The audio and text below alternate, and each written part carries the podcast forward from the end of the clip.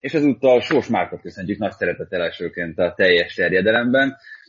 Te a box-to-box szakírója vagy, illetve hát nem titkoltan Liverpool érzelmű újságíró, blogger, aki követi az eseményeket, és hát nem feltétlenül a Liverpoolhoz kapcsolódtak itt a hétvége legfontosabb eseményei, illetve kicsit közvetett módon azért mégis.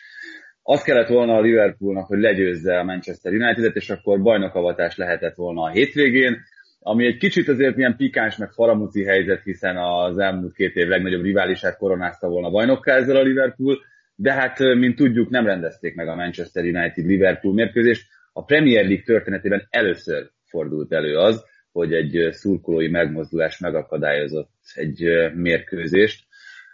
Hát először is mit éreztetek, vagy mi volt az első gondolat, ami megfogalmazódott ezzel az egész dologgal kapcsolatban bennetek? Aztán majd egy kicsit szétszállazzuk ezt a dolgot. Hát én először csak köszönöm a meghívást. Pont a tével adásra beszélgettük, hogy talán az első teljes, teljes terjedelem hallgatók közé tartozom itt Magyarországon. Én már 2014-ben addigra már amerikai, meg angol podcasteket sokat hallgattam, és akkor megjött a teljes terjedelem is ilyen, ilyen focis lehetőségek közé, és akkor én már elkezdtem hallgatni, szóval megtisztelő, hogy itt lehetek most, és akkor szerepelhetek benne. Hogy mit éreztem, sok mindent abban a pillanatban. Egyrészt az, hogy lehet, hogy ez jó a Liverpoolnak, mert nem a legjobb formában fogadta volna a United őket most ebben a pillanatban.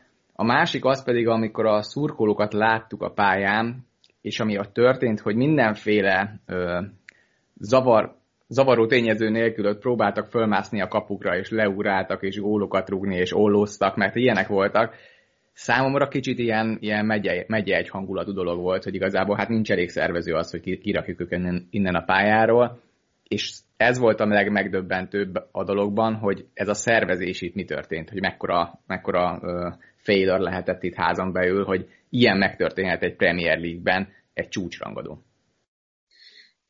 Nekem kicsit, egy picit azért volt más, mert vártam, hogy kezdődjön fél hatkor, és akkor valamennyit láttam volna belőle még a La Liga előtt.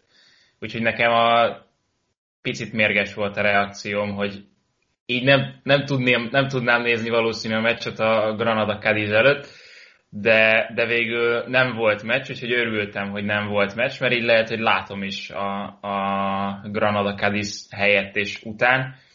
Úgyhogy ez volt az első, a második pedig az, hogy hogyan jutottak be, de hát erről ti is beszéltetek, úgyhogy gyanítom, hogy erről még mi is beszélünk, mert az nagyon fura, hogy csak így be lehet jutni. Gondolom lebontották a kerítést is. Nem, itt ugye arról van szó, aki volt már az Old Traffordon, szerintem az pontosan tudja, hogy nagyjából milyen a struktúra, és szerintem ezzel rá is világíthatunk arra a kérdésre, ami ezzel kapcsolatban az egyik legfontosabb.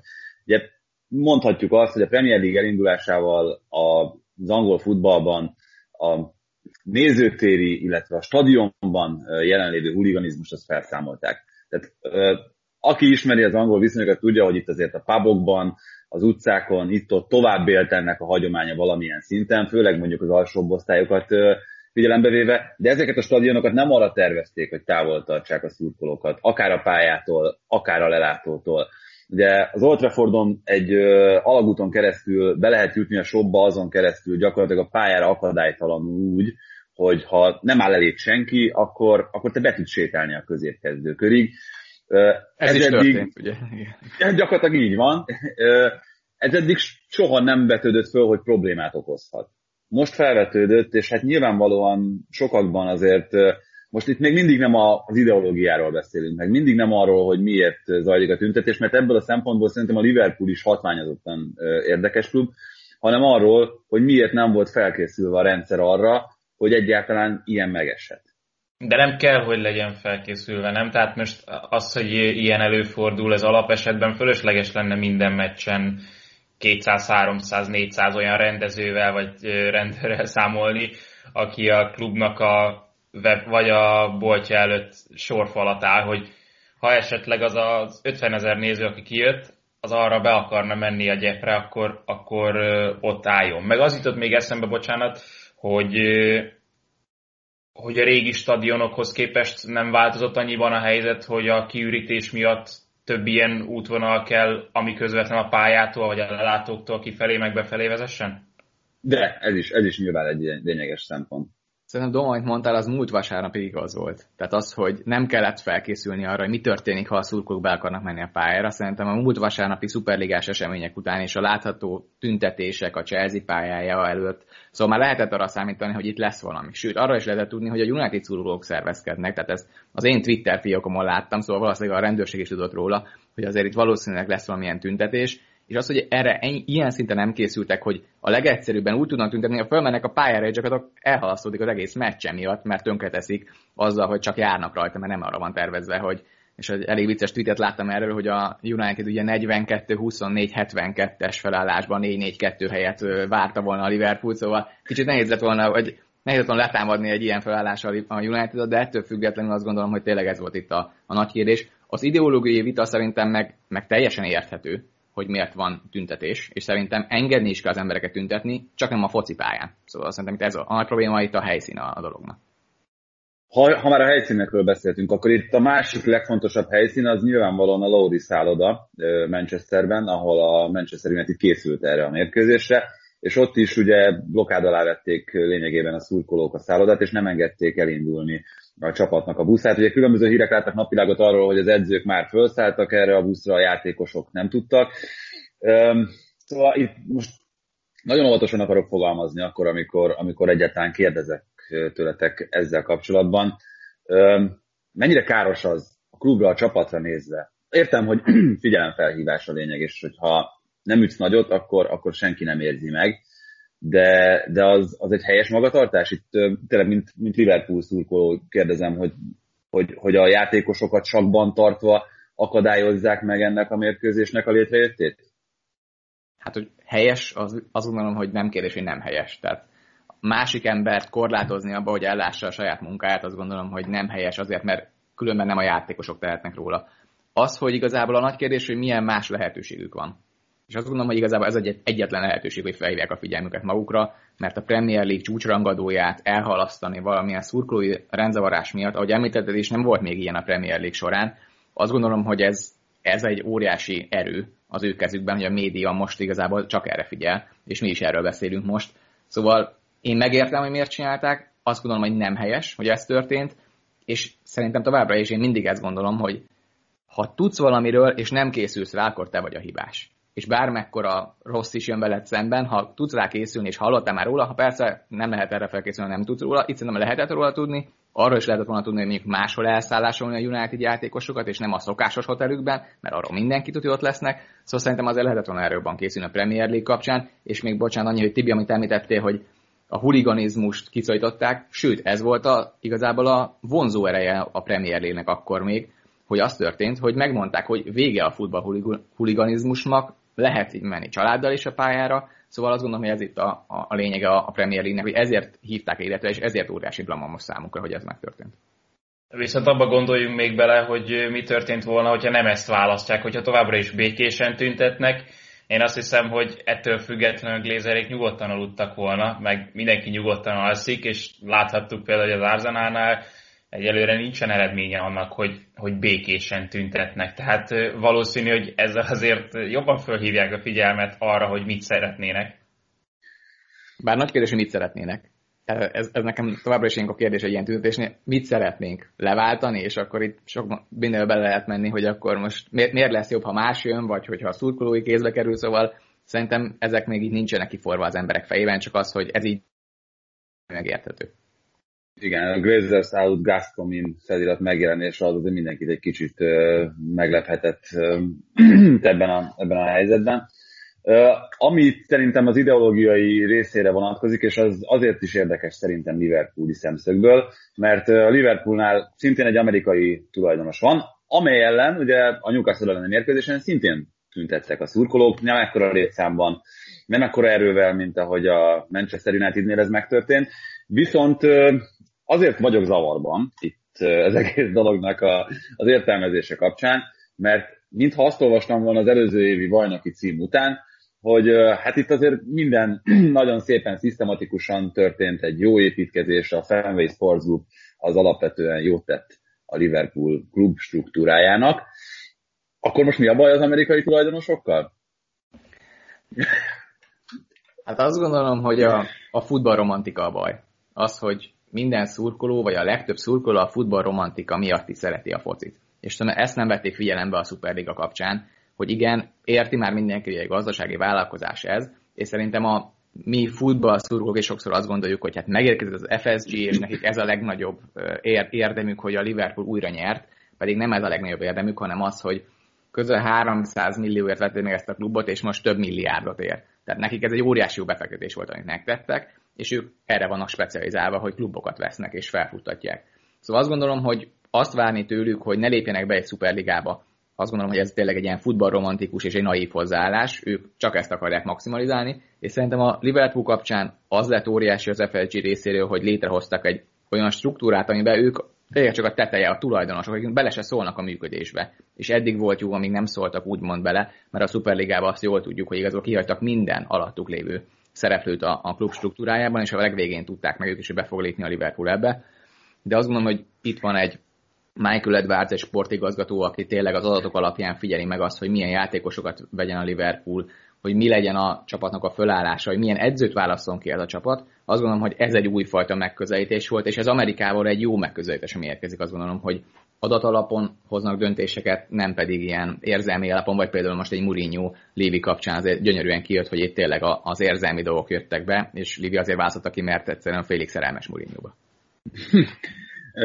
Ez, nem akarom meg tovább feszegetni ezt a United kérdést, mert uh, nyilván nem is biztos, hogy ezzel kapcsolatban nagyon messzire jutnánk. Én azt gondolom, hogy itt uh, lényegében a Glazerék uh, is nagyjából ezt a hasonló szerepet töltik be. Tehát nem hallottunk arról, hogy Joel Glazer bármikor beleszólt volna abba, hogy kit igazoljon a klub, vagy hogy milyen fizetés biztosítson Bruno Fernandesnek. Na de akkor beszéljünk a Liverpoolról, mert ez a struktúra ez évek óta nagyszerűen működik, mégis idén ebben a, ebből a szempontból következett betörés, és kezdjünk akkor a legfrissebbel ezzel kapcsolatban, hogyha nem lesz bajnokok ligája szereplés, Doma. Most Tibi, az a kérdésem, hogy egy, egy dolog, ami felvetődött bennem, nyilván mikor fölveszünk, akkor utána két perccel már tudni fogjuk, hogy mikor lesz az a United Liverpool, de hogy most, hogy még nem tudjuk, így hétfő reggel, mikor van itt lehetőség? Mert ez szerintem egy fontos kérdés, amit szintén ugye tárgyaltatok. Tehát nincsen gyakorlatilag időpont a mai estén kívül, ami reálisnak tűnik. Hát úgy, hogy halad előre az idő, ugye a mai este is egy kicsit uh, valószínűtlennek tűnik már, de aztán lehet, hogy a klubokkal való egyeztetést azt tart már ott a háttérben, amiről mi nem tudunk, hogy, hogy ezzel kapcsolatban valami legyen. Ugye tegnap elég folyamatosan kaptuk mi a tájékoztatást a Premier League Productions-től, hogy mi a helyzet ezzel kapcsolatban, tehát tényleg gyakorlatilag a BBC-vel egy időben tudtuk mondani, meg, meg, meg nézni a híreket, hogy, hogy mi van. Ez gyakorlatilag tegnap ilyen 18-50 óta lehalt. Tehát, hogy azóta az égvilágon semmit nem hallottunk, nem tudunk, nem kaptunk. Úgyhogy igen, tehát ugye, azzal, hogy a Manchester United minden valószínűség szerint Európa Liga döntőt játszik, Európa Liga elődöntőt kell pótolnia, és a bajnokságokon és az összes klubsorozaton van egy korlát, miszerint be kell fejezni határidőre, még az Európa bajnokság előtt, hát ez elég lehetetlen helyzetet teremt. És ez újra itt jön elő szerintem ez a nagy kérdés, hogy egy ilyen helyzetben, ilyen kiélezett helyzetben a bajnokság végén hogy történhet, elő, hogy történhet ez meg a világ legnagyobb, vagy legjobban szervezett és legtöbb pénztermelő bajnokságában, Szerintem ez megint egy, egy amatőr húzás volt, és, és tényleg látni azokat a képeket nekem ezért volt megdöbbentő, mert pontosan tudták, hogy mi a következménye. Az, hogy ezzel egy akkora zavart keltenek az űrben, amit ugyan nem lehet csak úgy simán kisimítani. Jó, hát majd három hét múlva lejátszuk. Három hét múlva gyakorlatilag nincs idő erre lejátszani, meg véget ér lassan a bajnokság addigra, és nem biztos, hogy az a legjobb, hogyha egy United-Liverpool meccs fejeződik be, aztán lehet, hogy dramaturgiailag nagyon jól néz ki, mert még a top 4-ért hajt a Liverpool, és akkor hú, de jól jött ki a dolog, és akkor a United Liverpoolnál nézőcsúcs lesz, de azért nem hinném, hogy erre számíthatunk. És mi még sokáig azt gondoltuk, hogy a Fulham uh, Newcastle mérkőzés lesz itt a forduló, utolsó forduló nagy szenzációja. Igen, mondjuk lehet, ennél azért incsiglandóban hangzik egy United Liverpool, az biztos. Na de akkor tényleg vissza itt a Liverpoolhoz, szóval mekkora részt ütne a pajzson, és uh, itt a jelenlegi fejlődésen, hogyha nem beszélhetnénk bajnokok ligájáról. Azért is adekvát szerintem a kérdés ebben a helyzetben, mert Klopp most először beszélt meglehetős részletességgel a mérkőzés előtt arról, hogy mennyire szüksége van a Liverpoolnak a bajnokok ligája szereplése. Igen, most kitért rá, és tényleg ez ennyiben érdekes volt, hogy nem szokott erre válaszolni, viszont azt is kimondta, hogy óriási szükség van erre, de azt gondolja, hogy a mostani nyarat ez nem befolyásolja a mostani transfer ablakot. De azért megemlítette, hogy pont azért, mert pandémia van, tehát így is már gyakorlatilag nem lehetett volna igazolni. Ez szerintem kicsit azért porhintés, amellett, hogy tudjuk, hogy Konáté gyakorlatilag már nagy valószínűség szerint elhoz a Liverpool 40 millió környékén, tehát azért lesz itt pénzköltés. Az, hogy mit történik a Liverpool pénzügyeivel a pillanatban, azért nehéz megbecsülni, de biztosan ilyen 150 millió font körüli bevételtől biztosan elesik a Liverpool, hogyha nem kerül be a bajnokok ligájába. És szerintem itt nagy kérdés, hogy a, a játékosokkal mi történik mert akit eddig lehetett elcsábítani, az azért jött ide, mert itt van Klopp, itt van egy jó csapat, egy felfelé futóban lévő csapat, ami folyamatos, és nem is kérdéses, hogy bajnok ligájára résztvevő, és a Premier League címéért küzd minden évben. Na most ebben a pillanatban most ez kérdés, mennyi lehet elmondani a játékosoknak, hogy ez így történik, már pedig abban a helyzetben vagyunk, hogy itt vagy hosszabbítani kell a játékosokkal, vagy pedig újakat igazolni helyettük, mert hogy a kezdőből 7 játékosnak jár le 2022 nyaráig a szerződése, tehát most lassan már csak egy év van hátra a szerződésükből, és Fabinho és Van kapcsán még hallottunk is hosszabbítási tárgyalásokról, de a többieknél Salah, Mané, Firmino, akinek egyszerre jár le a szerződésük, még nem is halljuk, bár azt tudjuk, hogy Salah nagyon szeretné, hogy meghosszabbítsák, vagy pedig engedjék el, azt már az ügynökén keresztül többször jelezte, de ettől függően többiekről nem lehet hallani, és akkor itt jön egyből a másik kérdés, hogy Manéval és Firminoval mit csináljon ez a csapat. Mert jelenleg azt gondolom, hogy a ennek az évnek a legnagyobb kerékkötője, az mostanára szerintem kimondható, hogy nem Van Dijk kiesése, vagy Joe Gomez és Matip egyszerre való kiesése, hanem ennek a két játékosnak az őrült formahanyatlása, amit egyszerűen elképzelhetetlen volt Liverpool szurkolóként, hogy ez megtörténhet egyik pillanatra a másikra. Hát lényegében azt mondhatjuk, hogy a várható gólok modell alapján pont annyival teljesít alul egyébként Mané meg Firmino, mint az előző szezonban, amennyire felül teljesített. Tehát az, ha kettőt kivonjuk egymásból, akkor ebből tényleg egy nagyon-nagyon magas szám jön ki. A kérdés inkább talán az, és szerintem ez nagyon jól meg is fogalmazza ezt önmagában, hogy az elmúlt évek felülteljesítése, az mennyire volt valójában felülteljesítés, nem az inga lenge egy kicsit vissza felülteljesítést, és szerintem mindent érdemes trendekben és viszonyítási alap mellett kezelni. Azért azt gondolom, hogy a felülteljesítés az, hogy XG-ben vagy expected points-ban, tehát az, hogy az XG modell alapján melyik meccset nyerhette volna meg az adott csapat, a Liverpool felülteljesít az elmúlt években, de ott is magasan kiemelkedett a City mellett.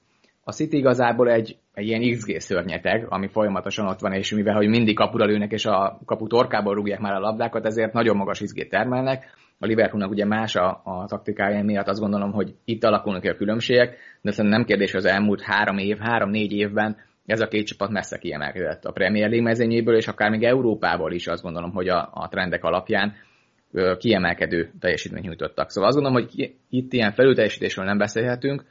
Játékos szintű tovább, felülteljesítésről igen, és itt például a Máné kapcsán elég erősen, mert ő nem termeli azt a mennyiségű helyzetet, mint amit Szalá összehoz magának, és itt azért eljön az, hogy ez a Diego Zsota megérkezik, akkor most mi történik egy Manéval, mi történik egy Firminóval, mert szerintem ez lesz a legnagyobb kérdése, és a kulcsa most a következő időszaknak, mert láttuk ezt a 4-2-3-1-et, amit most Klopp próbálkozik bevetni, és a Newcastle be is vetett, és a 4-3-3-nak a, a 4-5 éves fennállása pedig úgy néz ki, hogy kicsit kezd megremegni.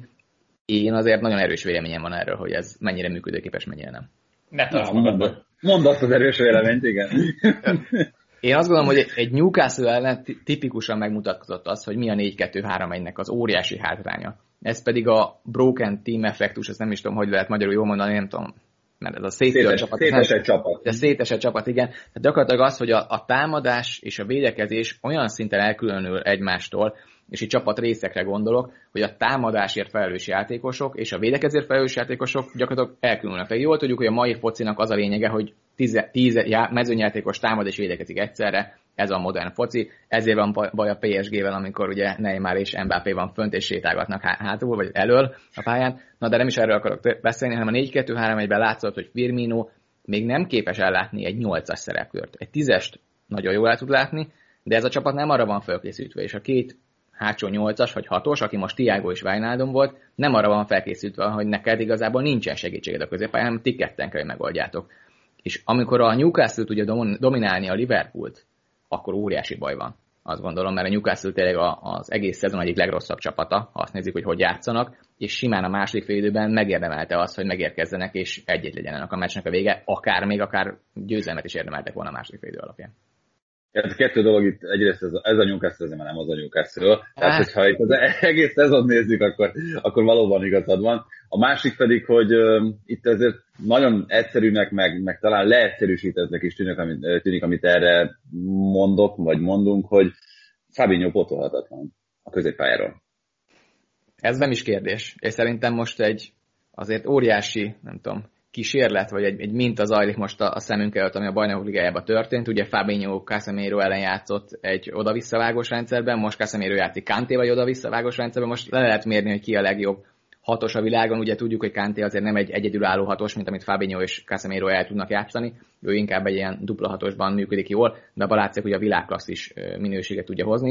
Én azt gondolom, hogy Fabinho, Casemiro és Kanté az a három ember, akire nagyon szívesen rábíznám bármilyen csapat, és szerintem bármelyik menedzser rábízná azt, hogy a, a védekezés, vagy a védelem előtt ellássa a feladatát, és azért szerintem, és ez megint a futball fejlődése, azért Makelele ugye van ez a Makelele sokszor ezt Makelele szerepkörnek hívják igazából, aki különben régen tízes játszott még a francia bajnokságban, és azért érkezett át, és jól tudott játszani a Reálban, mert átfolyt rajta mindig a labda, de látszik, hogy Fabinho, Casemiro, Kanté is akár a kapu előtt se veszik el, vagy a támadás építésbe se veszik el, és most már nem csak romboló játékosokról beszélünk itt, és akkor itt egy Grávézent lehet például, nem tudom felhozni ilyen elrettentő példaként, de, de hát, előrefelé is parádésra játszanak romboló játékosnak az utolsó prototípusa angol nagycsapatnál szerintem Fernandinho volt, de lehet, hogy ebben tévedek. Hát, hogy ő azért, azért még inkább ezt a vonalat vitte, nem?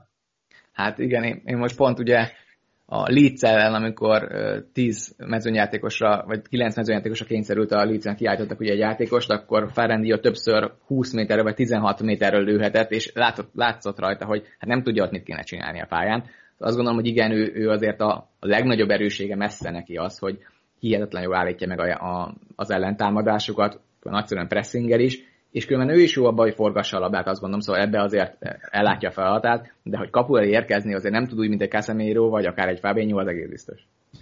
Egy jó romboló játékosokat még tudunk mondani a, a Premier League-ből, de itt a, a szétszakadt csapat kapcsán azért felmerült bennem, hogy Tiago nem ezért van-e a Liverpoolnál, meg hogy Klopp, hogyha látja ezt a problémát, akkor hogyan próbálja orvosolni. Tehát Tiágónak a teljesítménye, amennyit ugye kritizálták azért a legutóbbi meccseken, pont ahol nagyon rosszul játszott a Liverpool, itt azért mutatott jó számokat.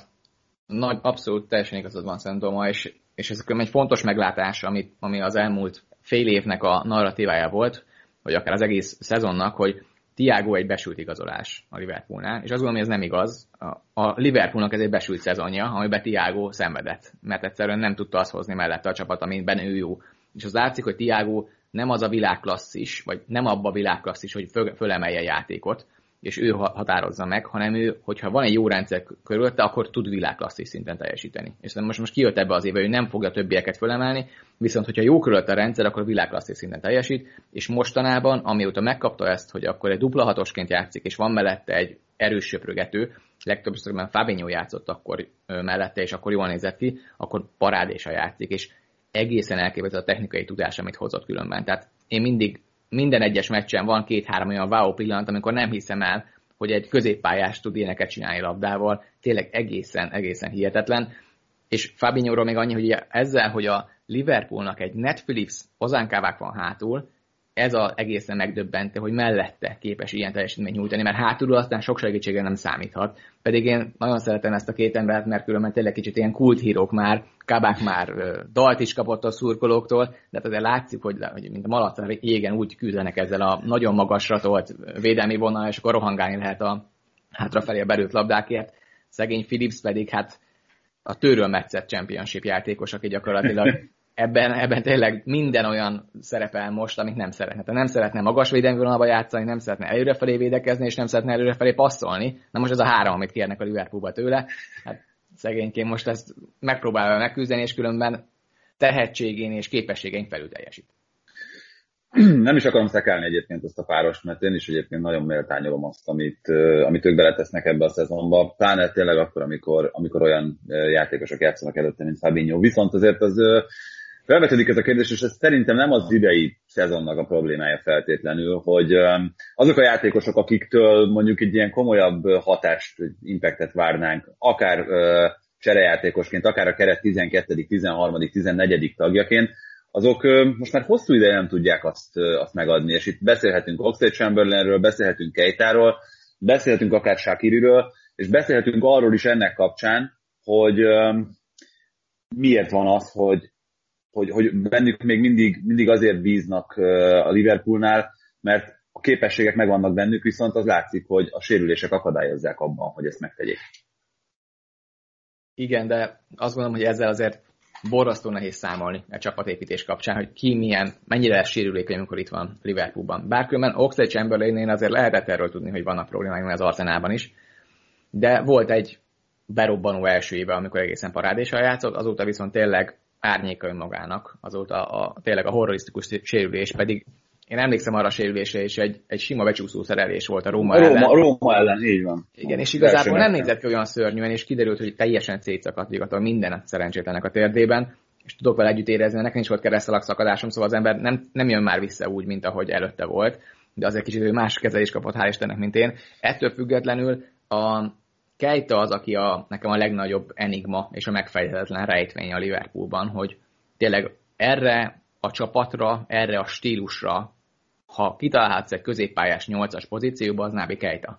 És különben Liverpool, játszott, és volt lehetőség játszani, még az előző években, akkor azt is hozta. Hihetetlenül pressinggel, tényleg olyan számokat hoz, amit egyszerűen az ember el se hiszi, hogy megtörténik. Folyamatosan ott van a másik ö, csapatnak a sarkában, nagyszerűen osztja ki a labdákat, jó, egy az egy ellen, még kapu elé is tud érkezni, ha kell, és minden mellé egyszerűen képtelen egészséges maradni, és azért kapunk pár belső infót a Liverpool bázisáról, akkor mindig ilyenek jönnek ki, hogy Nebi Kejte az, aki igazából mindig csak a medencében úszkál, míg a többiek kint edzenek, mert hogy folyamatosan csak rehabilitációt végez, gyakorlatilag edzésre nem nagyon tud járni. És mostanában különben már ugye ez elmúlt egy hónapja az egészen sérülésmentes, és akkor jött az a Real Madrid meccs, ami, ami gyakorlatilag azon, hogy eldöntötte az ő sorsot a Liverpoolnál. Ő szerintem nem lesz itt meghatározó játékos a következőkben. Nagyon szigorú vagyok, amikor azt mondom, hogy itt az elmúlt hát nem is tudom, kettő-három szezon igazolásai közül. Tiágot, oké, okay, elfogadom, amit mondhatok róla, és egyet is értek vele nagyjából. Zsota bejött, de rajta kívül azért nagyjából mindenkiről mondhatjuk, hogy besült. Ugye Cimikák nevét nem feltétlenül akarom idehozni, mert amikor például láttam játszani az Atalanta ellen ebben a szezonban, és láttam utána sajnos többször is, hát ö, megtanultam becsülni Nathaniel Williams-et. Vagy Nathaniel Phillips-et, bocsánat. Igen, és igen, igen. És Rhys williams is. igen, hát egész, bár azt hiszem, hogy kell mondani, az elmúlt két-három évben ugye nagy igazolás a Liverpoolnak nem volt. Most Tiago és Zsota kivételével. Ugye volt gyakorlatilag két kimaradt ablak a Liverpoolnak, amikor nem nagyon költöttek. De az igaz, hogy egyszerűen a, a legutóbbi Fabinho, Alisson által fényjelzett nyár óta igazából nincs olyan komoly erősítés a Liverpool csapatában, és ez látszik is, hogy igazából ha nem csinálod meg, hogy folyamatosan pótolod a játékosaidat, és a versenyhelyzetre nem készíted a többieket, akkor egy idő után ez vissza fog ütni. A Liverpool azt gondolom, ez most jött vissza, hogy ez nem történt folyamatos pótlása a csapaton belül. De igen, azóta igazából nincsen jó igazolás, azért Zsotáról mondjuk ki, hogy egy világklasszis igazolás volt, tehát hogy őt a Wolvesból kinézni, én is láttam, és egy nagyon jó játékosnak nézett ki, de mindig fogtam a fejemet, hogy hú, hát ott volt Werner, és majdnem ugyanannyi pénzért, hogy jött, tehát nem hiszem el. Na hát most ehhez képest látszik, hogy nagyon örülök, hogy Michael Edwards ülött, és nem pedig én ebben a székben, mert ők meghozták ezt a döntést, hogy őt lehet hozni, és hát úgy illik ide, mint tényleg, hogyha a, a Schusterkét készítette volna a cipőt ott a Liverpoolnál, hogy akkor ő neki kell érkeznie, képes ellátni hamis 9-es pozíciót, vagy balszerről indulva, különben nekem meggyőződésem az, hogy balszerről kell neki indulnia, és meggyőződésem az, hogy Liverpoolnak 4-3-3-ba kell játszania, ha visszatér egy Henderson, ha egy Thiago Fabinho játszik középpályán, ez a Liverpool, és hátul persze egy Van Dijk, Joe Gomez vagy Matip fog játszani, ez a Liverpool újra egy világklasszis csapat lesz, akit nagyon nehéz lesz megverni, és akkor már csak a frontfidről kell beszélni, ami azt gondolom, hogy viszont ebben a, ezen a nyáron valakinek egészen biztosan távoznia kell. És itt most már lehet beszélni, és azt gondolom, hogy Firmino az, akinek sajnos valószínűleg a, a korából adódóan, és a trendeket nézve az, hogy merre felé mozognak a, az ő statjai, az minden olyan statisztika, amiből kiemelkedett, akár pressingben, akár támadás felépítésben, vagy előkészítésben, az meredeken esnek befelé, én Mánéban érzem azt különben, hogy ő egy borzasztóan alulteljesítő szezonja van befejezés szempontjából, de ugyanannyit lő, vagy akár még többet lő kapura, ugyanannyit cselez, ugyanolyan jó hatékonysággal cselez. Szóval én azt érzem, hogy Mánéból, én még nem szállnék ki, Firminoból viszont lassan igen, és azért ez egy, ez egy nagy kérdés lesz a, a Liverpoolnál, hogy mi történik, ha Firmino kiszáll, mert azért ez a broken team, ez azért sokszor nem jöhet létre 4-3-3-ban, mert ott van Roberto Firmino, aki viszont ebbe parád és összekösse a támadás és a védekezést. Na most, ha ezt kiveszünk belőle, akkor egy kérdés, hogy mi fog történni, mert láttuk, amikor Zsota játszott egyszer, akkor azért ez kevésbé működött. Hát azt hiszem, hogy nagyon jó végszót is adtál arra, hogy uh, itt akár a jövőre nézve mi lehet a Liverpool sorsa. Márk, nagyon szépen köszönjük, hogy csatlakoztál hozzánk. Reméljük, hogy előbb-utóbb majd személyesen is lesz alkalmunk beszélgetni. És hát bízunk abban, hogy előbb-utóbb látunk Manchester United Liverpool mérkőzést még ebben a szezonban. Igen, csak annyit még hozzá, hogy azért az Isten mentsen meg minket attól a szokásos United Liverpooltól, mert hogy az nem szokott jó meccs lenni az egész biztos, csak mindig nagyon készülünk rá, hogy milyen jó meccs lesz, de köszönöm szépen a meghívást. Hát itt talán a megváltozott körülmények kimozdítják a 0-0-ról majd ezt a, ezt a mérkőzést, amit egyébként szerintem sokan vártak ezelőtt a találkozó előtt is. Márk, még egyszer köszönjük, és nektek is a meghallgatást. Hamarosan folytatjuk. Ha más podcastekre is kíváncsi vagy, hallgassd meg a Béton műsor ajánlóját. El tudod képzelni, hogy a podcastet, amit éppen most hallgattál, fél év múlva már a mesterséges intelligencia generálja? Mi sem. De ha érdekel, eljötte már a gépek lázadása. Hallgass bele az Embertelen podcastbe. Orsós Lajos vagyok, a műsor házigazdája. Egyelőre még élőben. Egyelőre. Fedezzük fel együtt, hogyan ismerkedik, randizik, mesél és vitatkozik Betty és Péter, két teljesen mesterséges intelligencia. Lajos, a podcast címét mond még egyszer, Léci. Oké. Okay. Embertelen podcast. Ez a műsor a Béton közösség tagja.